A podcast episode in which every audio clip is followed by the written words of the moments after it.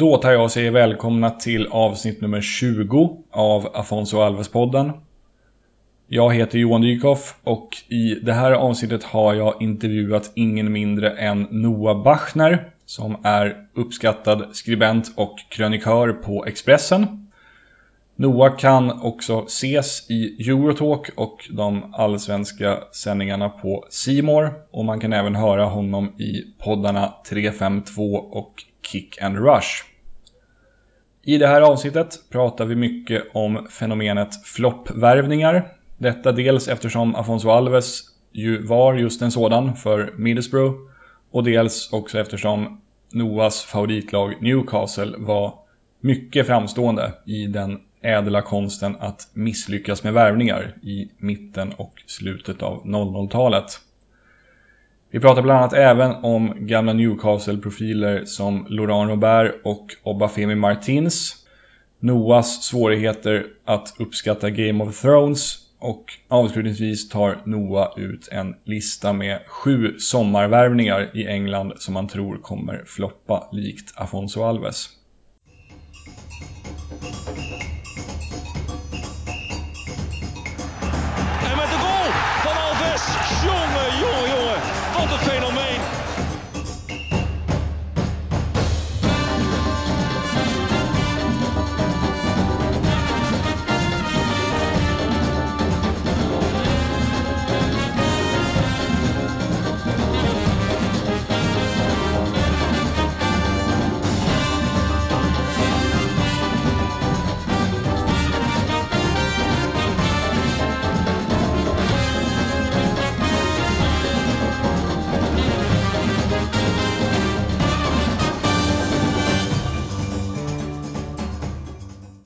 Men vi kör faktarutan först då.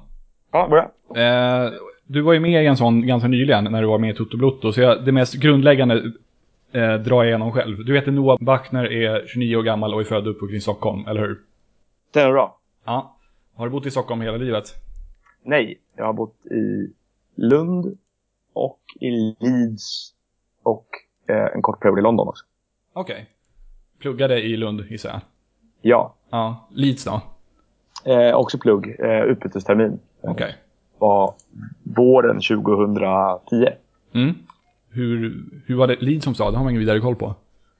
Eh, det var ganska kul som student, måste jag säga. Det bo, jag tror att det är över 100 000 studenter som bor där. Mm. Och ett ganska levande nattliv och sådär, typ. Så man var ute mycket. Eh, ja. Och härjade runt. Eh, och sen så är det ju norra Englands liksom business mecka på något sätt lite grann. Det är väldigt mycket stora företag som är etablerade där. Okay. Så stats, stadskärnan Leeds är, är ganska, vad ska man säga, ganska olik norra England i övrigt som är ganska förfallet. Mm. Sen finns ju liksom väldigt närliggande förorter och delar, ut, de yttre delarna av, av staden är ju, påminner ju mer om, om norra England i övrigt med långa sådana här tegellängor och väldigt mycket utslaget och fattigdom och allt vad det. Ja, just det. Så det är en lite, ska man säga, segregerad stad som, som Schweiz kommer till. Ja, det skulle jag säga. Verkligen. Ja. Verkligen skiktad så. Mm. Eh, vilken är din del av Stockholm förresten? Vad är hemma för dig i Stockholm? Ja, numera är det Södermalm. Mm. Eh, låter som att man har eh, liksom infogat sig i den absolut klyschigaste eh, vad ska man säga, klyschigaste follan av journalistiken då när man bor på Södermalm och, och eh, är snubbe och har skägg. Men eh, så blev det. Jag är ju faktiskt född på Södermalm en gång i tiden också, även om jag växte upp på Gärdet. Så eh, jag flyttade tillbaka dit. Ja, jag är också från söder ursprungligen. Eh, Zinken, typ, i min del av... Ja, jag, jag bor i Zinken nu. Jaha, det ser man. Eh, ska vi se, främsta egna fotbollsmeriter? Jag satt på bänken i division 2 en gång. Eh, när jag var 17. Jag fick inte komma in. Okej, okay. vilket lag då? För Värtans IK. Finns de längre? Eh... Ja, de ligger, i, de ligger tvåa i division 4 nu faktiskt. Ja, det är så bra då. Okej. Så de är på väg uppåt igen. Ja, Men de var väldigt bra en gång i tiden. De Ja. var ju nära, kom ju fyra i tvåan när det var, ja, den, på den tiden när det var superettan över. När de hade ett samarbete med Djurgården eh, så, så, kom de, så var de nära att kliva upp där. De hade René Makondele på lån och Rami Shaban var i Värtan och sådär. Så det var Just kanske- det. Eh, favorittröjnummer som spelare, ifall du hade något sånt? 27. Någon särskild anledning? Jag fick det av en slump när jag började spela fotboll igen nu på äldre dagar höll jag på att säga. Eh, Mm. När jag flyttade hem från Lund igen så fick jag 27 av en slump i mitt lag. Och då hade det varit ett favoritnummer sedan tidigare för att det har varit en tradition i Newcastle att eh, de bra mittbackarna har haft det. Eh, så både Philippe Albert hade det och Jonathan Woodgate hade det. Och sen så plockade även Steven Taylor upp det och man kan väl argumentera för att han förstörde det. Men eh, de tre mittbackar, Steven Taylor hoppades många på när han kom fram så att han tog 27 var ju liksom lite stämningsfullt sådär. Så 27 har det blivit för mig. Ja. Är du generellt konservativ när det gäller tröjnummer? Alltså att högerbacken ska ha nummer två och högerytten nummer sju? Sådär. Jag tror det. det Ja. Har pratat med någon om det här nyligen och kom väl på mig själv med att vilja tycka att det ska vara så. Så att, eh, ja, det är jag nog. Mm. Men du lever inte som du lär riktigt? Inte riktigt, nej för jag tycker det var nice när Renato Sanchez fick ta typ 857 nu här i Swansea. Så att, ja. Just det. Jag kan för mig att det var, var det inte någon i Mexiko som var typ så sponsrad av någon radiokanal eller någonting och han ville ha deras frekvens som tröjnummer. 104,2 eller någonting. ja, det skulle ju gå att göra mycket konstiga saker med det där. Det det, kanske ska finnas någon måtta. Men eh, nej, jag, jag, jag lever inte som jag lär som du sa där. Nej. Favoritsport som åskådare förutom fotboll? Eh, det är nog faktiskt handboll tror jag. Mm. Hur, Eh. eh, hur och hur mycket har du konsumerat det genom åren? Ja, jag tittar på mästerskapen ofta. Framförallt gjorde jag det mycket när Sverige var bra förut. Eh, jag har väl tittat, jag tittade mycket på ishockey när jag var liten också. Men det har försvunnit helt. Där kollar jag knappt om, alltså jag kollar knappt om Sverige spelar VM-final nu för tiden. Eh, så nej, da, med handboll däremot så tycker jag det finns en dramaturgi i som är väldigt underhållande. Eh, och, eh, så det har, det har varit en, det har jag tittat på nästan alla mästerskap. Jag tittar aldrig på elitserien när jag tittar på mästerskap.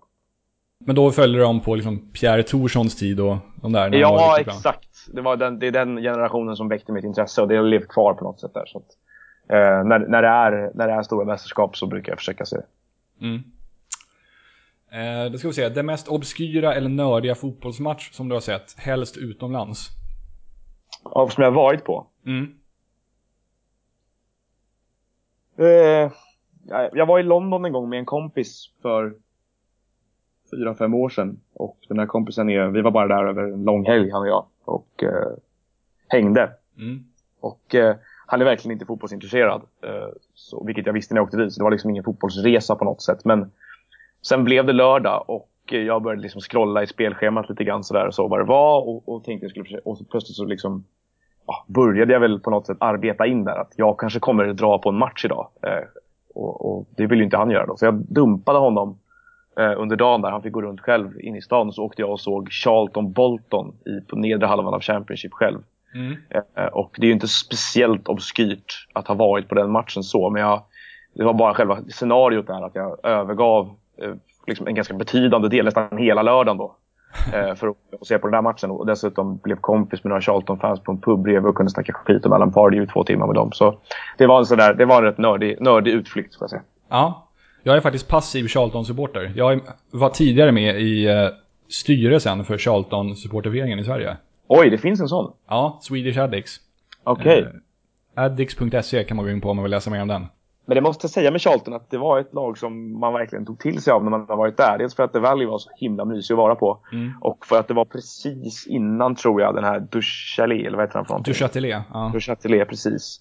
Kom in och förstörde allting. Eh, och jag pratade ju mycket med, det var en kille som hette Lee där som var väldigt involverad i att resa en staty utanför arenan sen efteråt av den här Lee Rigby. Den här soldaten som fick halsen avskuren av två terrorister utanför en militärbas Ja, där i närheten senare. Eh, han var ju någon koppling till Charlton där så de, de, de reste en staty av honom utanför. Men den här Lee eh, var sen väldigt engagerad i olika protestgrejer. Protestaktioner. Släckte in tennisbollar på planen och allt vad det har varit de senaste åren här för att Eh, och då, när man såg det där förfallet då från att ha varit där när Charlton fortfarande då, om det här var 2012 eller 2013 minns jag inte, var en ganska välmående och familjär klubb sådär.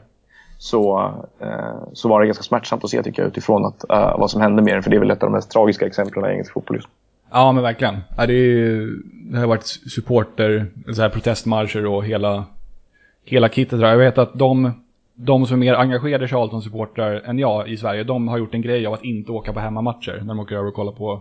Ja, Charlton nej, det, det känner man igen från, från Newcastle-sfären också. Jag är en av Mm. dem som bojkottar sedan ganska länge. Ja. Eh, då kan vi se, en fotbollsspelare vars skor du gärna själv hade varit i i ett visst ögonblick. Jag hade velat vara Craig Bellamy i Rotterdam eh, hösten 2002 när han sköt Newcastle till slutspel i Champions League i 92 minuten borta mot Feyenoord med 3-2 mål. Eh, och ja, det är nog det ögonblicket som har, det är nog mitt starkaste fotbollsögonblick. Ja, det förstår jag. Spelade Johan, Johan Amander i Feyenoord då? Nej, det var eh, eh, Bruggink, tror jag. Nej, han var i PSV. Vänta nu. Måste jag tänka här. Hojdon chef. kan ha varit där. Ja, han kan ha varit där, men det var inte han som gjorde mål. L- Antoni Lur Lurling gjorde ett av målen. För att jag kommer ihåg att kommentatorn skriker en lörling när han skjuter. eh, och sen tror jag att det var även Paul Bosfeldt säkert och Patrick Pauve och de här var i det laget också. Så, Just det. Men, men ingen, eh, jag minns inte Elmander där då. Nej, han, han var väl hemma i Djurgården, va? Ja, Han- det kanske var- 2002, Det kanske var det, ja. Det har du rätt i. jag tror. Just det. Ja, men det var bra val, tycker jag. Ehm, lite utanför fotbollens värld då. Eh, ifall du vore Visst. någons livlina i Postkodmiljonären, vilket icke idrottsrelaterat ämne skulle du ha för bäst chans att hjälpa din kompis i? Eh, troligen musik eller eh, andra världskriget. Då gillar du rosa och gula TP-frågan. Eh, ja, precis. Det får jag nog säga. Ja. Tvärtom då, vad skulle du absolut inte kunna hjälpa till med? Eh, naturvetenskap. Du var ingen NO-kille i skolan? Absolut inte. Nej, okej. Ehm, ifall Det gjorde, det gjorde en, en anekdot där för, för att Ja. förklara hur dålig jag är. Så hade vi i, på naturvetenskapen, i, jag gick samhällslinje på gymnasiet, så hade vi en, i naturvetenskapen en uppgift där vi skulle genomföra ett, en, någon forsknings... Vi skulle, jag vet inte vad det var för någon, en studie av någonting. Vi skulle bilda en tes kring någonting. Eh, någonting biologiskt med människan. Eh, alltså evolutionslära eller något sånt där. Och eh, jag gjorde alltså ett test som mätte bredden mellan människors ögonbryn, har jag för mig, eller mellan människors ögon. Eh, med slutsatsen att eh, kvinnor hade längre mellan ögonen för att de var hemma med barnen mer när, för typ tusen år sedan. Eh, det är de fortfarande också, men för tusen år sedan. Och därför hade mer tid att le och skratta och då sträcktes eh, liksom, det, var, det här var min te- teori, den blev ju verkligen inte någon höjdare. För, för, alltså att det blev större mellanrum mellan ögonen av det. Så bra var jag på naturvetenskap. Nej, den känns svår att ro i hamn alltså. Ah, den var riktigt, riktigt risig. Men bra, bra anekdot. Det är skönt att kunna liksom Ja, då, ta, ta sitt förflutna med en klackspark eller vad man säger. en sak att vara dålig på naturvetenskap och en sak att vara sådär dålig. Just det. Ehm, ifall du hostade ett sommarpratsprogram, vilken låt hade då varit mest given på din låtlista? Mm. This must be the place, tror jag. Med eh, eh, Talking Heads. Kan du hela texten till den? Ja, det är en ganska ny favoritlåt. Men Ja. den är... This must be the place, Talking Heads. Eller eh, Hate being sober med Chief Keef. Det är någon av de två. Okej. Jag kan inte nynna på någon av dem, måste jag erkänna. Nej, du får lyssna på dem efteråt. Eller ja. Ja. det, ja. Jag, jag tänker inte nynna på dem heller nämligen. Nej, okej. eh, nämn någonting mainstream som har gått dig förbi. Och för att ge ett bra exempel på vad jag menar så berättade Niklas Jarelind i den här trea på bollen-podden att han aldrig har spelat, i mono- att han aldrig har spelat Monopol. Eh, jag har aldrig sett ett helt avsnitt av Game of Thrones. Ja, då är vi två. Jag har inte ens sett en sekund. Det. Nej, jag har försökt se första avsnittet sex gånger nu tror jag. Eh, men jag kommer liksom inte igenom det. För att jag inser att det är för många eh, eh, magiska farbröder med mantel för att jag ska kunna sätta mig in. Har du generellt svårt för den typen av tv-serier och filmer? Nej, det är konstigt att jag inte har det. Jag har okej. tyckt mycket om eh, Sagan om ringen-filmerna och jag är ett stort Star Wars-fan och sådär. Eller stort, men jag är ett Star Wars. Jag gillar Star Wars liksom. Eh, och jag kunde verkligen uppskatta typ tv-serien Stranger Things som kom här som också var väldigt sådär övernaturlig. Mm. Men Game of Thrones var, har varit ett steg för mycket av någon anledning. Ja, okej. Eh, avslutningsvis då, på tal om, eller avslutningsvis i faktarutan, och på tal om resor. Favoritland eller stad som du har besökt? Eh, det är nog eh, väldigt... Ja, men jag måste säga Berlin eh, faktiskt. Mm. Eh, min favoritstad i hela världen. Den har varit, jag tror jag har varit där sex eller sju år i rad nu. Någon gång varje år. Så Det är min. Berlin blir det. Hur skulle du hisspitcha Berlin för någon som aldrig varit där? Typ jag. Eh, jag skulle säga att det är eh, ett oöverträffat eh, utbud av liksom, mat, kultur, historia eh, som, och en sorts, eh, vad ska man säga, en det finns en vibe i hela stan eh, som är väldigt lugn men ändå väldigt mycket liv överallt. Och mm. eh, det, det, har jag svårt att hitta på många platser tycker jag. Eh, att man ser människor i liv och rörelse överallt och det händer saker men det är ändå lugnt. Så att, ja, framförallt Prenzlauer berg i Berlin. Eh, ja. Ja, dit, dit måste du åka. Tar du dig runt på tyska eller engelska? Eh, jag tar mig runt i huvudsak på engelska men med vissa inslag av hybris på tyska framförallt när jag druckit för många öl. Ja, just det. Det brukar bli så. Mm. Ja men det var faktarutan är. Då känner vi lite bättre som eh, person. Då går vi över till huvuddelen av intervjun. Eh, inledningsvis då, kan du berätta lite grann om din ska man säga, relation till Afonso Alves och hans fotbollsgärning? Ja, eh, jag som många andra minns ju honom från, framförallt från när han eh, härjade i Allsvenskan till att börja med. Eh, mm. Och i det Örgryte-laget. Eh, och sen att han gick blev då någon trofévärvning för MFF och vann SM-guld 2004. Eh, såklart. Och sen så, jag var ju rätt van vid att allsvenska spelstjärnor i allsvenskan på den tiden kunde gå utomlands och misslyckas fatalt omedelbart oavsett var de gick någonstans. Att, ja, att det var liksom en merit i allsvenskan vägde inte speciellt tungt när de kom någon annanstans och sådär. Så att, att, när han väl gjorde de där sju målen, det var det sju mål i en match för, för ja. ja. så kom jag ihåg att man hajade till. Alltså där, shit, är han så här bra? Liksom? Det är ju sjukt. Att, och när han väl sen gick till, till Middlesbrough för mycket pengar därifrån så eh, och hade gjort så himla mycket mål i Holland. Då var man lite stolt nästan. Som att ja, det är ändå vår liga liksom, som, som var plattformen för den här spelarens utveckling och nu är han en stjärna i Premier League. Så, eh, jag, jag, kunde, jag kunde känna viss stolthet när Afonso Alves dök upp i England eh, och, och spelade för Middlesbrough. Och sen så mitt sista minne av honom egentligen är väl, att, är väl den här matchen när, mot, när Middlesbrough slår Sven i slag med 8-1 var det va? Ja, eh, han, gör han tre eller fyra mål i den? Tre. Tre.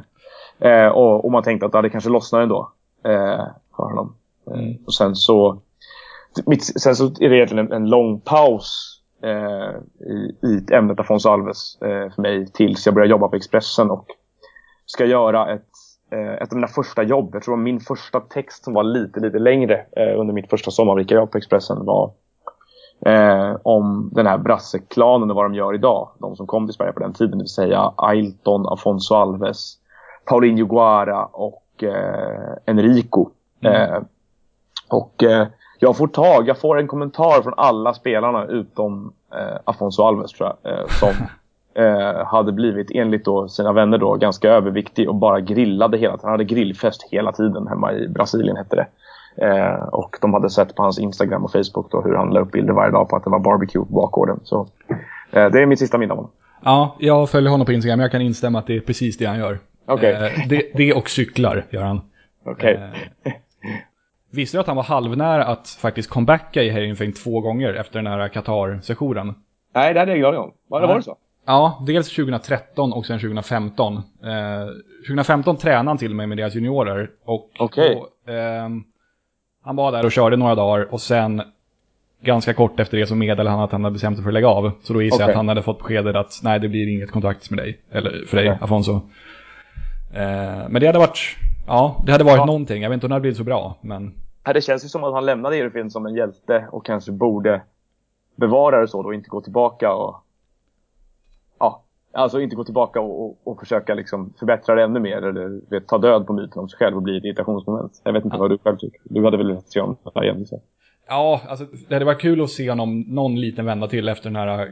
För, alltså man, i Qatar håller man... Han var gjorde sina sista säsonger i Qatar som spelare och där har man ingen koll på vad fan som händer liksom. Så Nej. I Eredivisie är det lite lättare att följa dem. Men jag tror inte riktigt att han lämnade som en hjälte för han, han, han bråkade sig i princip bort från Heerenveen. Uh, han var en, en sån där spelare som nästan liksom Dembélé-klass på hans beteende i slutet av sin session där. Så okay. uh, han var rätt illa omtyckt. Det sjöngs diverse saker om hans mamma på läktarna. Och Trevligt. Där. Ja, precis. Eh, men vilken klubb har han liksom gjort störst intryck på dig? I vilken tröja ser du Afonso Alves om du blundar och ser honom framför dig? Ja, det är Örgryte. Eh, mm. I och med hur hur det blev där och i och med vilken sensation han var tillsammans med Pauline när han kom där. Och framförallt det som sitter i är väl den här matchen på Stockholms stadion va? mot Djurgården. Eh, ja. som, som, definierar honom i Sverige på något sätt. Där, okay, där folk, det börjar gå upp för många att han är alldeles för bra för att vara här egentligen. Mm. Eh, för det var ju liksom inte ens kul för någon. för någon motståndare. Eh, så eh, det, den, den, matchen är, den matchen är verkligen sån som fast, fäster sig på näthinnan. Ja. Eh, jag tänkte även på tal om det här med hans succé sen i Heerenveen. Det var ju på riktigt tal om att han var aktuell för Barcelona. Där sommaren efter hans skytteliga vinnarsäsong. På tal om det här med att vara stolt över en för detta allsvensk. Ja, hade han hamnat där hade man ju varit spruckit och sånt. Ja, samtidigt så minns jag att jag kände att nu är det lite så här fish out of water nästan. Att nu, nu kanske han är på väg att ta lite för stort steg. Ja, ja. Nej, men det var väl det var svårt med honom. Det, var, det kändes som att en spelare som han skulle säkert ha kunnat lyckas i Premier League också. Eller kanske, han kanske, det kanske inte var rätt liga för honom riktigt. Men han skulle säkert ha kunnat liksom... Eh, ja, vad ska man säga? Alltså, fortsätta sin utvecklingskurva om han hade haft motivationen och koncentrationen. Men han var ju mm. en sån här spelare som känns som att du vet, han kom från, från eh, en ganska anonym fotbollstillvaro i Brasilien och fick sin potential upplåst i Sverige genom att få speltid och, och självförtroende. Eh, och eh, att det var därför som han liksom, och sen så när han väl hade cashat in på, på sin potential på något sätt så var han rätt klar. Mm. Det var det intrycket jag fick i alla fall av honom. Att det blev, att det blev också en spelare som förfördes ganska mycket av pengarna eh, under tidens gång där när han egentligen kanske hade kunnat få ännu mer utväxling på sin fotbollsbegåvning. Ja, det tror jag med. Och det där flytten till just Middlesbrough kändes väl, kändes väl lite förhastad. Som att eh, han hade kunnat göra, han hade kunnat stanna ett halvår till i Heerenveen och sen, sen ta ett lite smartare val när han kanske hade fler möjligheter. Ja, och sen, jag vet inte, Middlesbroughs värvningspolicy framförallt på den tiden. Det fanns ju en extremt romantisk eh, koppling till brassar i Middlesbrough då. Mm. Eh, så att, att de betalade sådär mycket pengar och var tvungna att ha honom till varje pris. Då kan man ju fråga om vilka motiven var bakom det. Var det spelaren eller var det brassen? Eh, nästan, jag är nästan där. Att det var ju samtidigt som de värvade Doriva och Rochenbach och allt vad det var som kom dit där. Och de höll ju på sådär ganska mycket i, sin, i kölvattnet av eh, Juninho då som ju blev en... Som ju de köpte tre gånger. Ja, just det. Eh, de, har, de har haft en sån tradition där lite grann. Ja, precis. Jag kommer att tänka på, det var ett eh, 352 avsnitt för ett par veckor sedan. Eh, där jag för mig att du sa att du gärna ser att allsvenska klubbar värvar ungt och skandinaviskt. Så ja. eh, innebär det att du hellre ser att, låt säga Elfsborg plockar en norsk u landslagsanfallare från typ Viking än, no än någon jämnårig brasse från, vad vet jag, Botafogo, allt annat lika? Alltså, rent principiellt så struntar jag i var spelarna kommer ifrån. Mm. Eh, det, det liksom, finns liksom ingen värdering i det på något sätt. Eh, jag tycker inte att fotbollen fungerar så generellt att man kan ty sig så mycket till nationella tillhörigheter längre om man ska bygga ett så bra lag som möjligt. Utan det handlar ju mycket mer om att ha ett så pass bra och utbrett scoutingnätverk som möjligt. Problemet för mig med brasilianska spelare eh, som kommer, eller sydamerikanska spelare som kommer till Sverige generellt, är ju att de eh, oftast är chansningar mycket mer. Eh, är sämre scoutade. Är eh, liksom en billig, en billig löps, lösning med liten risk och stor uppsida. Liksom. Eh, och då så tror jag att liksom, vi hade sett en eh, färre trupper späs ut med den typen av chansningar. Vi har ju rätt, liksom, haft ganska hög ruljans av brassar till exempel Kalmar de senaste åren. Sådär. Mm. Um, och det blev, gick inflation på det där efter, efter det där, ja, när Wilton kom och alla de här också. Sen då, då, jag vet inte om du minns en brasse som var i Kalmar som hette Allison. Som ja, gjorde mål i sin debut och sen gick mållös 17 matcher i rad. Och han fick väl på något sätt liksom klä skott för allt det där. Men, men jag tror bara att jag hade, jag hade nog gärna sett, jag, och jag tycker att om, om Allsvenskan ska bli en ska bli Skandinaviens ledande ledande liga på något sätt så tror jag att eh, den hade haft bättre möjligheter att bli det om det var en och det hade dragit större intresse från våra grannländer också om deras spelare spelade i Sverige. För att uh, vi har nu liksom att Ludvig Augustinsson går till FCK, att vi har uh, Pierre Bengtsson i FCK och vi har haft andra svenska spelare som spelar i FCK. Det gör att vi är lite mer intresserade av vad som händer i Danmark. Mm. Hade vi haft de bästa unga danska och norska spelarna i Sverige så hade danskar och norrmän varit mer intresserade av vad som hände i Sverige. Och det där får någon sorts dominoeffekt. Är det mer intressant för skandinaviska tränare, för vi kommer inte börja importera brasilianska tränare. Eh, då är det mer intressant för de bästa tränarna i Skandinavien, så som vi ser med Mikkelsen som kommer nu till, till Hammarby till exempel. Då, eh, att, att jobba i Sverige också. Och det där blir liksom en sorts, för mig blir det en sorts snöbollseffekt, att man får många olika vinningar ur det. Eh, av att koncentrera skandinavisk begåvning och talang till Sverige just. Just det. Visst känns, alltså det här har jag inte räknat på, men visst, det känns som att det varit mycket fler brassar i allsvenskan än vad det varit i både danska och norska ligan. Det, det, är verkligen mitt intryck också. Mm. Uh, jag kan inte belägga det, men det, det, skulle förvåna mig om det inte är så. Och det, måste, det var ju liksom en... som det ofta är i fotboll, att ett, ett definierande, en definierande händelse gör att, eh, och i Sverige var det väl kanske Alvaro Santos egentligen från början. Ja, exakt. Som, som innan då Afonso och Paulinho. Men, men att en definierande händelse sätter trenden för ganska lång tid framöver. Och det där har ju... Jag menar, det finns ju en anledning till att svenska lag har liksom, använt väldigt mycket engelska spelmodeller efter Roy Hodgson. Det finns en anledning till att svenska lag har varvat mycket brassar efter Alvar, Alvaro Santos. Och sådär. Så mm. det, går i, det där går verkligen i, i, trender och sen bryts som av någonting annat. Ja, jag vet till exempel att det har varit mycket jamaikaner i Norge. Mm. Alltså det, och det beror väl förmodligen på att någon, någon gång, precis som du säger, satte trenden och så börjar man leta spelare där liksom. Ja, det, är väldigt, eh, det där är väldigt intressant varför det blir så. Sen är det ju säkert också ofta olika agentkopplingar om en klubb startar en sorts samarbete med. Jag vet att Örgryte hade ju ett samarbete med Atletico Mineiro till exempel som gjorde att de fick in väldigt mycket spelare därifrån. Det var ju inte så att mm. alla de spelarna kom på en gång. Så. Men, men visst, det, det där är märkligt. Ja. Eh, Afonso Alves han är ju en i raden av spelare som har glänst i Eredivisie för att sen floppa i en större liga. Vilka andra spelare tänker du framförallt på när du tänker bra i Eredivisie men dåligt, eller dålig när motståndet blev tuffare? Mattia Cashman är den som ja. absolut kommer först. Eh, CM de Jong ur eget perspektiv. Eh, var ju... de Jong också va? Ja, herregud. eh, båda de snubbarna. CM de Jong har ju skadat sig igenom de senaste åren bara, men jag tycker man såg på honom att han inte riktigt höll heller. Mm. Eh, annars har det varit, ja, jag vet inte, man hade ju, det kanske var en sån här Championship Manager villfarelse också, men man trodde att Wilfried Bouma var mycket bättre än han var när han väl kom till Aston Villa. Ja, just det. Han var eh, skitbra i Championship Manager. Han var fantastisk när han spelade i PSV där. Eh, nej, men i övrigt så Eh, Cashman, det, det, finns ju någon sorts liksom lite sägen nästan eh, om att eh, målskyttar har så himla lätt för sig i Holland. Du har ju, Marcus Berg har ju haft väldigt tufft i andra, på andra platser än i Holland också. Men han hade mycket tuffare än vad han hade i Groningen. Till exempel. Mm. Så, äh, men just målskyttar känns som att det, det finns ett, att den här eh, gung-ho-fotbollen som var väl under en period i alla fall präglade Holland. Framförallt längre ner i divisionerna i Holland. Jag vet att jag har kompisar som hade väldigt stor lycka av att spela på över 2,5 mål i, i andra ligan i Holland. Eh, men eh, det, det, det är framförallt där då att man, har, man känner som att man har väldigt många exempel på spelare som inte ja. Memphis då? Hur tycker du han var i Premier League överlag? Ja, det var ju total katastrof såklart. Men han verkar ju ändå kunna ha han har väl kanske liksom på något sätt insett sina egna begränsningar när han är i Lyon lite mer och känns som att han är på rätt väg där. Eh, Jan Wennergård av Hesselink var väl en annan sån som han, var, han var tvungen att spela i Celtic för att få spela överhuvudtaget. Det funkar inte någonstans. Liksom. Så det, ja, nej, men det, det har väl funnits spelare som har varit sådär, som man känner lite har mobbat försvaren i, i, i Holland kanske, men har svårt när de kommer till andra plats. Ja, precis.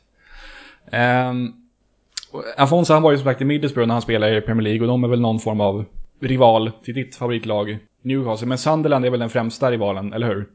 Ja, så är det. Så är det. Middlesbrough är lite ett andrahandsderby. Mm. Finns det någon annan klubb som Newcastle har en rivalitet till med, av liksom annat än geografiska skäl, så att säga? Ja, det gör det väl. Eh, det finns en, eh, såklart sedan 90-talets titelstrider med Manchester United, en rivalitet där. Mm. Eh, det gör mycket mer ont att förlora mot dem och Liverpool än att förlora mot Arsenal och Chelsea och Tottenham. Tottenham är snarare som en syskonklubb skulle jag säga nästan. Okay. Eh, och, och, sådär. Eh, det har blivit, och Manchester City har ju, det ingen historisk rivalitet med på det sättet heller. Nej, men Liverpool mycket för att eh, precis som många andra lag i England tror jag det finns ett komplex gentemot Liverpool från, den stora, från deras storhetstid. Men också att de eh, eh, har haft otroligt lätt för Newcastle på Anfield och vann den där eh, numera episka matchen med 4-3 eh, på nästan Colomore avgjorde på övertid och Newcastle då tappade försprånget till Manchester United i, i, i ligan 96-97. Eh, men Manchester United skulle jag vilja säga är den, den, den som är, eh, den som, är liksom, den som har mest, det är mest horn i sidan där. Okej. Okay. Men i Liverpool på något sätt liksom det, det man hoppas att Newcastle skulle kunna vara om allting klaffar, eller? Det går inte att jämföra de klubbarnas historia riktigt. Mm. Men infrastrukturen så liksom, det är väl så här att det är svårt att veta vad Newcastle skulle gå att jämföra med i den moderna fotbollsekonomin. Eh, jag skulle vilja säga att man har fortfarande egentligen alla förutsättningar och jag tycker väl att det, om man ska koka ner till något sånt där, liksom, att okej, okay, hur stor är arenan, hur stor är följet? Sådär. Nu är, har ju Newcastles globala varumärke inte vuxit på samma sätt som Tottenhams, eller Everton eller Liverpools. Men eh, både Tottenham och Everton är klubbar som Newcastle egentligen borde kunna konkurrera med både kommersiellt och eh, och på andra plan. Så att, eh, där någonstans håller jag, väl, håller jag väl potentialen i alla fall. Och detsamma skulle jag säga för Aston Villa egentligen. Ja, okej. Okay. Afonso han floppar ju rätt eh, hårt i Middlesbrough som sagt. Och ditt favoritlag Newcastle associerar, associerar jag väldigt starkt med just eh, floppvärvningar. Hur, hur rättvist ja. är det skulle du säga? Eh, ja, det, det, är rättvist. Framförallt de senaste... Ja, det är, framförallt så var det en kultur som etablerade sig i början på, på eller början, under de första tio åren på 2000-talet. Eh, sen har det varit lite bättre de senaste åren tycker jag. Värvat ganska bra från mm. 2010 och framåt måste jag säga. Men dessförinnan så var det en, eh, en, en verkligen Newcastles paradgren. Det kulminerade väl runt mellan 2005 och 2009 skulle jag säga. Så är det en, ett extremt facit när det gäller eh, fiaskovärvningar. Vilka ingår i din Hall of Shame bland Newcastle-värvningar?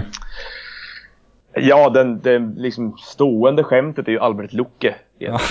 eh, som ju kom för dyra pengar på den tiden från Deportivo La Coruña. Han, gjorde, han avgjorde en Uefa Cup-match borta mot Palermo en gång. Mm. Eh, och han gjorde ett straffmål på försäsongen mot Juventus, men annars blev det inte mycket. Och tittar man på vad vi betalade och investerade rent liksom symboliskt i Michael Owen så är ju han såklart, eftersom han var då den totalt hjärtlösa kaptenen som ledde Newcastle med glädje ner i Championship. Eh, sen finns det ju en hel gäng, ett, upp, en, liksom ett uppsjö mittbackar eh, där Sean Allan Song sticker ut mest egentligen. Eh, men även en, en del andra sådana här liksom fullständigt vansinniga idéer. Um, dåliga spelare som inte kostar så mycket. Andy Faye från, från Charlton. du har, du har Alan Smith som kostade, då var 6 miljoner pund liksom ändå lite grann sådär. Uh, otroligt, dålig, otroligt dålig värvning. Uh, du har... Titus Bramble, hur dålig var han egentligen? Ah, det konstiga med Bramble är att han, liksom, han var ju skit, men han var ändå med i var det, fem, sex säsonger och hade, var ändå ibland de, en del av lag som var helt okej. Okay. Eh, han kom in för säsongen 2002-03 och då kom ändå Newcastle trea och han spelade majoriteten av matcherna. Mycket för att han parades ihop med Jonathan Woodgate. Men sen så blev han ju liksom ett, ja, ett, ett skämt mer och mer med åren där. Celestin Babayaro. Det är liksom sån här... Eh, framförallt är det en våg där det händer en grej sommaren 2004. Eh, Newcastle kom ju fyra i Premier League eh, 2001-2002 och gick till Champions League. Eh, och kom sen trea i Premier League 2002-2003. Men åkte ut i den sista kvalomgången mot Partizan Belgrad på hemmaplan på straffar.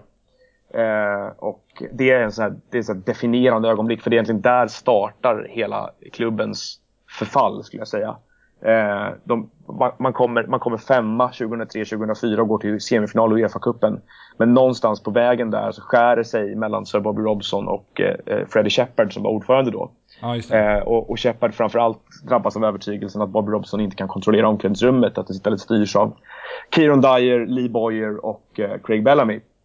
Och det där stämmer inte riktigt. Eh, Bobby Robson har, eh, vad jag förstår i alla fall, då, ganska bra idéer för hur saker ska tas vidare från det laget han ska bygga ett nytt lag. Eh, så han inför sommaren 2004 då pekar på, på tre spelare han vill ha. Eh, den ena är Patrick Kluivert som ska ersätta Alan Shearer i hans värld och bilda anfallspar med, med Craig Bellamy. Och Kluivert kommer, blir klar för Newcastle som bossmandom Och det var en riktigt tung värvning då. Han kom från direkt från Barcelona.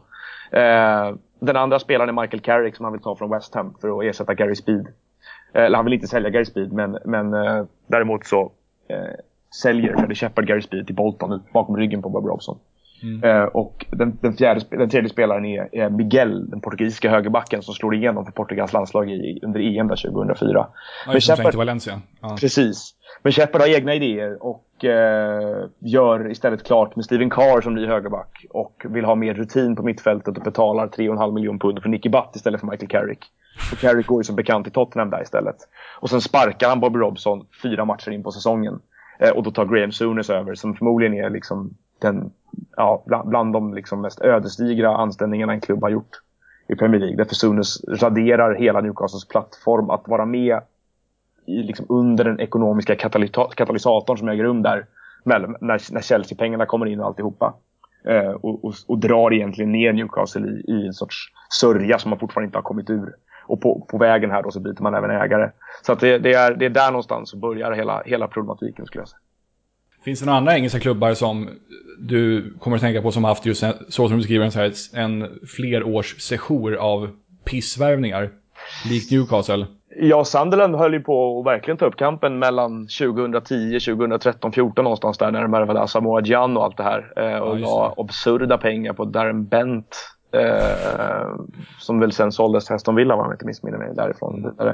Eh, Bent gjorde för sig ganska mycket mål så det var väl ingen dålig värvning så. Men eh, de, hade ju, de gjorde en sommarombyggning av laget när de tog in ja, vad var det? Sebastian Andersson och David Vaughan, eller Sebastian Larsson och David Vaughan och det var ja, de här prenumerationerna på gamla Manchester United-spelare, West Brown och John O'Shea och egentligen det laget som förlorade sig igenom fem säsonger innan de till slut åkte ur.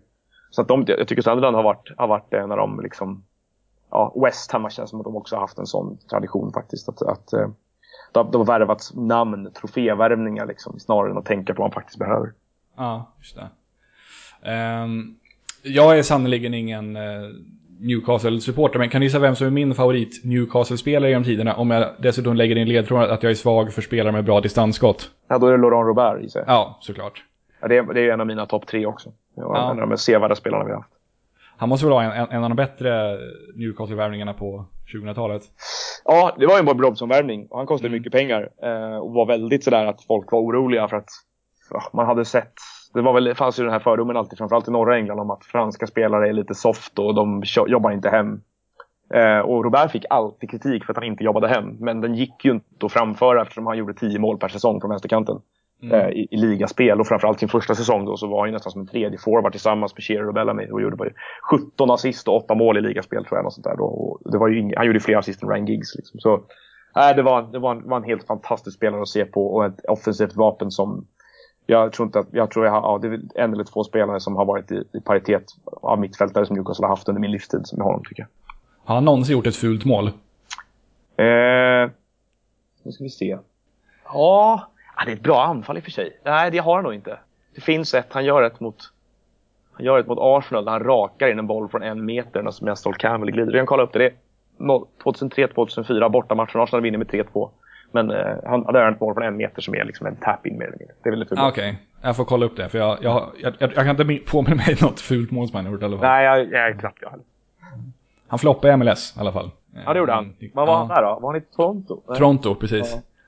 Eh, men det var ett dåligt lag när han var där också. En vacker grej med Laurent Robert är att han, han återförenas alltså med Nikos Dabitsas och Norberto Solano i ett grekiskt lag som jag inte kommer på namnet på just nu. Ja, de här Ergotelis eller var det något sånt? Han ja, var i Grekland i alla fall. Kolla. Eh, han, han, han hamnar alltså, om det är i Aris, är det det? Eh, nej, Larissa. Ja, ah, just det spelar han. Eh, tillsammans med, med Norberto Solano och, eh, och Nikos Davissas. Ja, det är en osannolik reunion får man säga. Ja, den är väldigt, väldigt vacker. Den är väldigt ja. Um, en liten trivia-fråga på uppstuds, på tal om Afonso Alves. Vet du vilken brasse som har spelat flest matcher i Newcastle? Mirandinha. Enligt Transfermarkt så är det han eh, Kachapa, mittbacken. Aldrig. Jag vet inte hur mycket matcher Mirandinha, men Kachapa gjorde inte många matcher typ nästan 29 tror jag jag såg något sånt där. Men var Mirandinha liksom ordinarie i...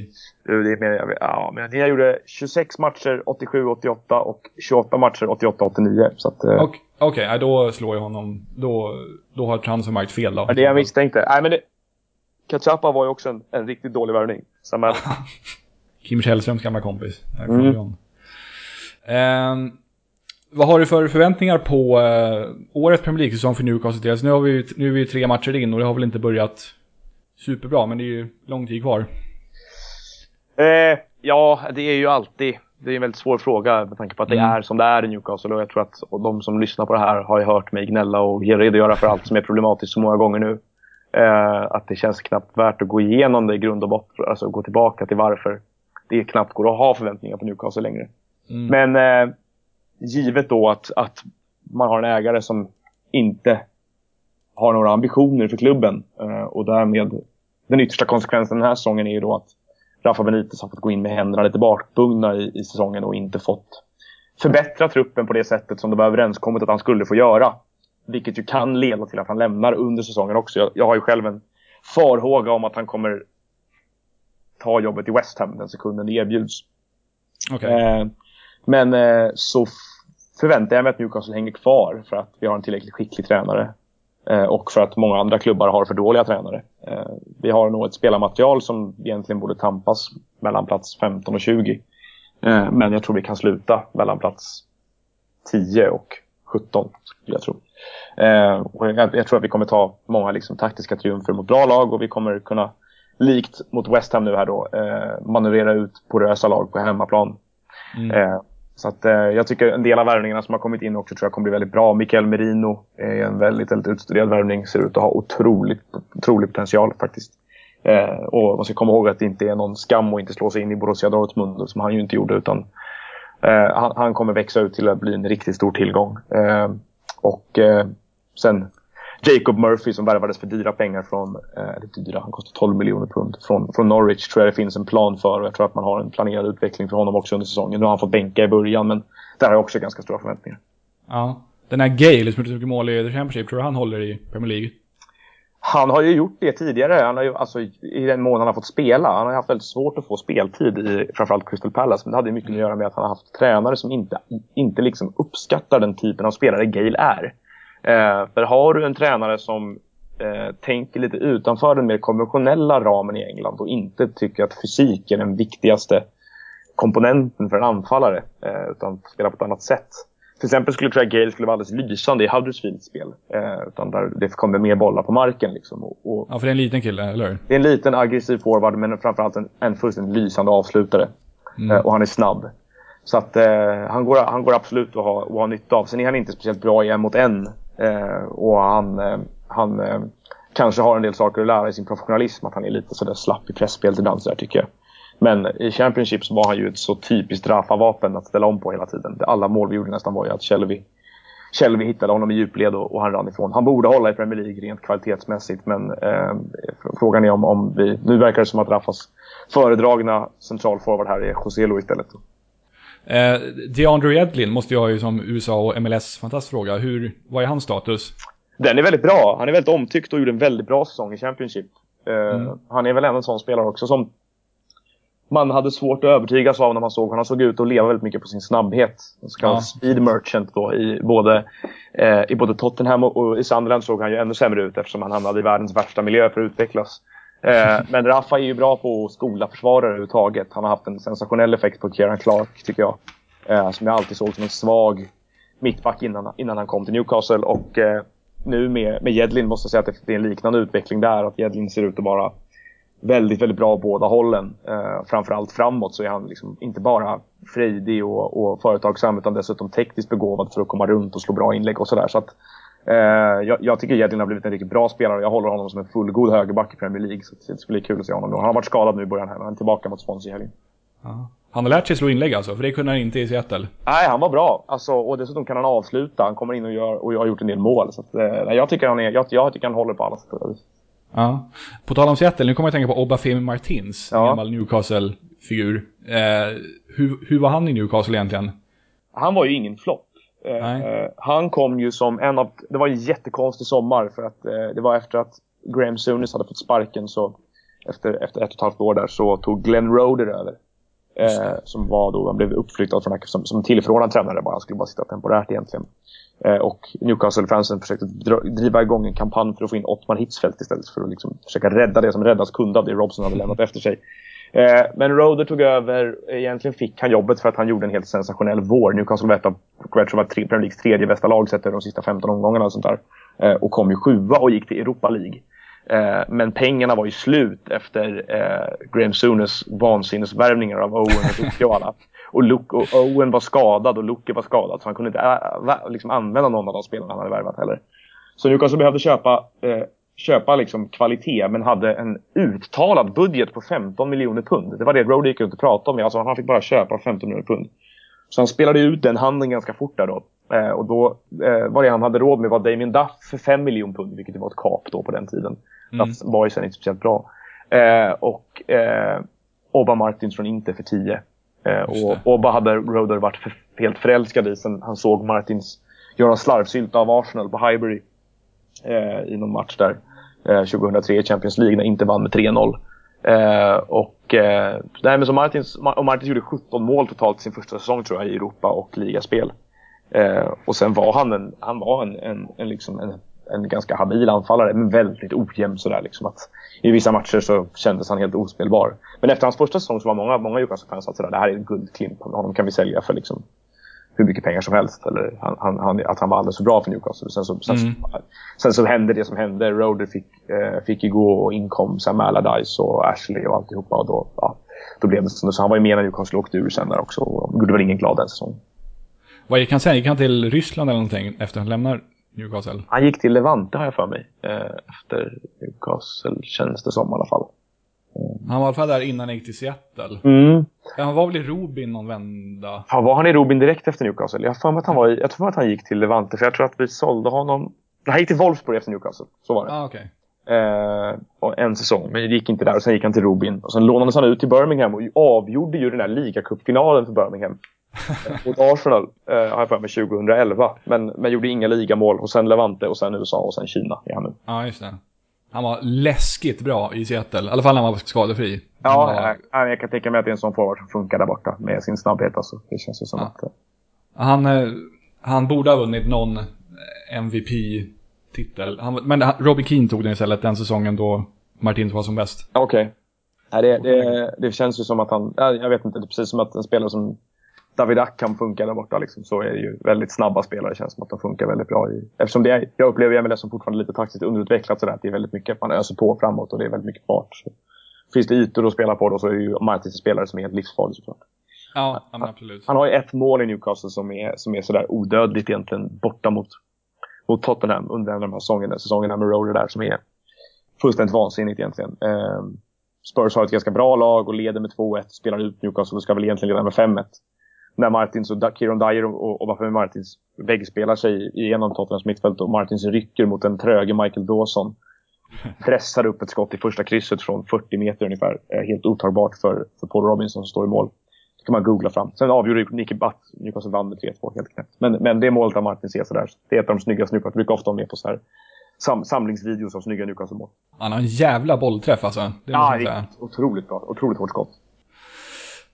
Um, Hör du, jag tror vi kommit in på sista punkten, nämligen eh, topp 7-listan. Ja. Eh, och du var faktiskt inne tidigare på varför det är just topp 7 och inte, eh, eller omedvetet var du inne på det, eh, istället för topp 5 eller topp 10, nämligen ja. Afonso Alves sjumålsmatch där. Så det är en liten hommage till den matchen som ja. jag valt att köra topp 7. Eh, och för dig valde jag ämnet, man byt, jag byter ämne för varje gäst. Ja. och för dig valde jag Premier League-värvningar som du tror går en Afonso Alves-mässig framtid till mötes. Så Ja, det är bara att köra egentligen och gärna en liten motivering till varje namn. Och men du sa att du tog några i The Championship också? Ja, jag var tvungen att göra det. Eh, ja. Eftersom jag hittade två sådana självklara floppar där. Eh, men jag börjar med det. Vi pratade om holländska spelare, spelare i Holland som hade problem, fick problem sen. Eh, mm. Och eh, jag såg ju CM de Jong ha väldigt mycket problem i Newcastle med tempot framförallt. Och han fick inte de ytorna att hugga på som att en sån här spelare som gillar att komma i andra vågen i boxen och avsluta. Lite, liksom, lite tung offensiv mittfältare på något sätt. Och eh, jag upplever David Klasen som en sån spelare också. Eh, nu när han har kommit till Everton. Jag tror ju att han kommer göra ett hårt jobb i Ronald Komans lag. Eh, men jag tror att han kommer ha väldigt svårt att vara lika effektiv som han var i Holland. Och han kostade ruggigt mycket. Så att, eh, han är den första. Eh, en annan är Ederson. För att eh, Pep Guardiola eh, återigen verkar ha fokuserat på att köpa en målvakt som kan sparka ut sparkar men inte rädda bollar. Eh, och det låter ju som att, jag, som att jag är Paul Merson i Sky Sports ungefär nu när jag säger det där. Men nej, jag, jag är liksom, jag, jag, tror att Guardiola är för ideologiskt driven eh, egentligen i det här. Att han, han har en sorts utopisk tanke om att hans lag alltid ska ha bollen. Och att eh, därmed så är det viktigaste egenskapen hos en målvakt just den här fördelningsmekanismen. Och den har ju Henderson. Eh, men du kommer hamna under press. Du kommer inte ha bollen i 90 minuter i bortamatchen mot West Bromwich. Och då behöver du målvakter som framförallt är bra i luftrummet också. Och mm. eh, jag säger inte att Ederson inte är det, men jag tror inte att det är därför han är värvad. Isaksson hade inte stått, han hade varit så här sjunde val om han hade varit kvar i city. Och någonting sånt. Ja, någonting sånt. Eh, han, är, han, nej, precis, han känns inte som en, en som en Guardiola-spelare. Vi kan nog inte, räkna med det. Djurgårdare behöver nog inte oroa sig för att bli av med honom lite. eh, en till spelare är Juning Chang som gick till, till West Brom också. Och det är bara för att det luktar PR-värvning. Eh, det. Jag är fördomsfull där. Eh, det gör det. Jag har gladeligen fel. De lånade väl ut honom på en gång också tror jag. Någonstans för att han skulle få speltid. Men eh, mm. Uh, ja, det, det, blir han. Sen har jag Danny Drinkwater med på den här listan också. Därför mm. att den känns som en lyxvärvning bara. Eh, Drinkwater glorifierad av sitt jobb bredvid N'Golo Kanté under den där titelsäsongen. Eh, såklart en bra passningsspelare. Men herregud, han har ingenting i Chelsea att göra. Eh, ty det tycker jag verkligen inte. Han är två starka getingar på sin höjd. Liksom. Mm. Eh, så att, eh, nej, jag hade, jag hade velat se att Chelsea gav den speltiden till och den utvecklingsmiljön som de kan erbjuda till skillnad från till exempel Crystal Palace då till Ruben Loftus-Cheek. Jag tror inte att det bara handlar om minuter för Loftus-Cheek i Premier League. Jag tror att han utvecklas av att vara spela med bra spelare också. Så de har redan fått behålla honom för mig. Hur gammal är Drinkwater? Han är inte jätteung va? Nej, han är väl 30 tror jag. Ja, det är till och med så mycket. Ja. Ja, det kanske han inte är 28 då. Men, men ja. de betalade ju stora pengar för honom. Mm. Eh, och sen har jag en sista Premier League-värvning då, innan jag kommer in på de två Championship-värvningarna. Och det är Naki Wells som eh, Burnley värvade. Som egentligen är han väl en rak ersättare till Andrew Gray. Eh, Naki Wells karriär, ska man komma ihåg, har bestått i en långsam klättring genom divisionerna. Där han först och främst gjorde sig ett namn för att han var väldigt bra i Bradford. När de gick till ligacupfinal. Och han gjorde en del så ikoniska mål där i, i deras väg framåt. Eh, en kvick, liksom, jag skulle kalla honom för en light-version av White Grail som vi pratade om tidigare.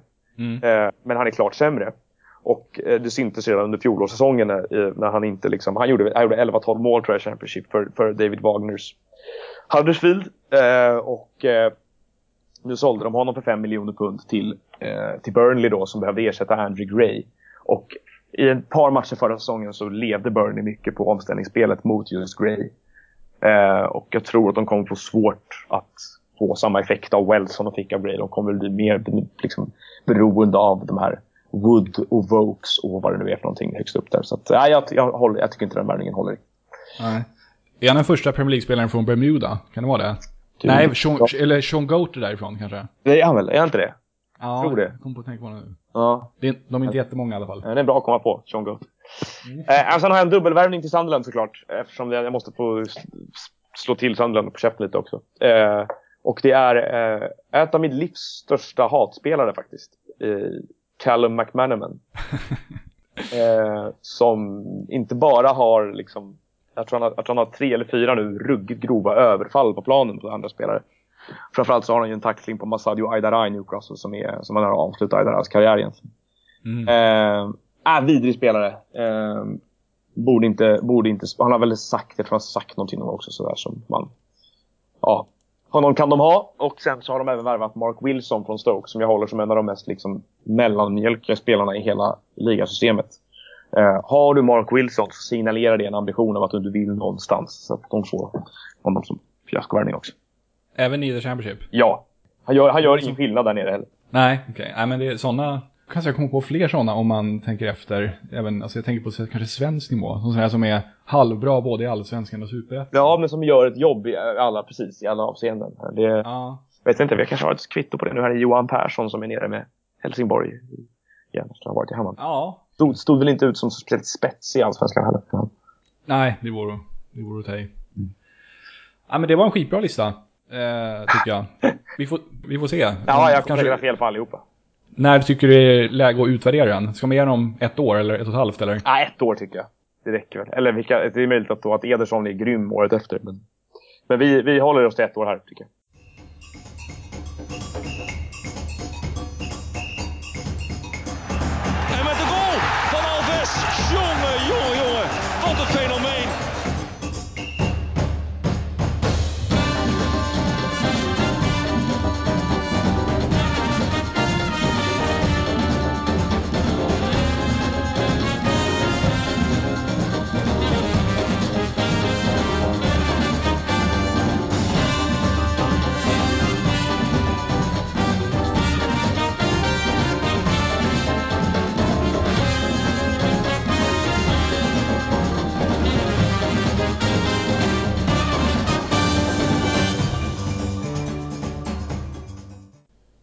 Sådär ja, då tackar vi Noah Bachner för att han tog sig tid att ställa upp på den här intervjun.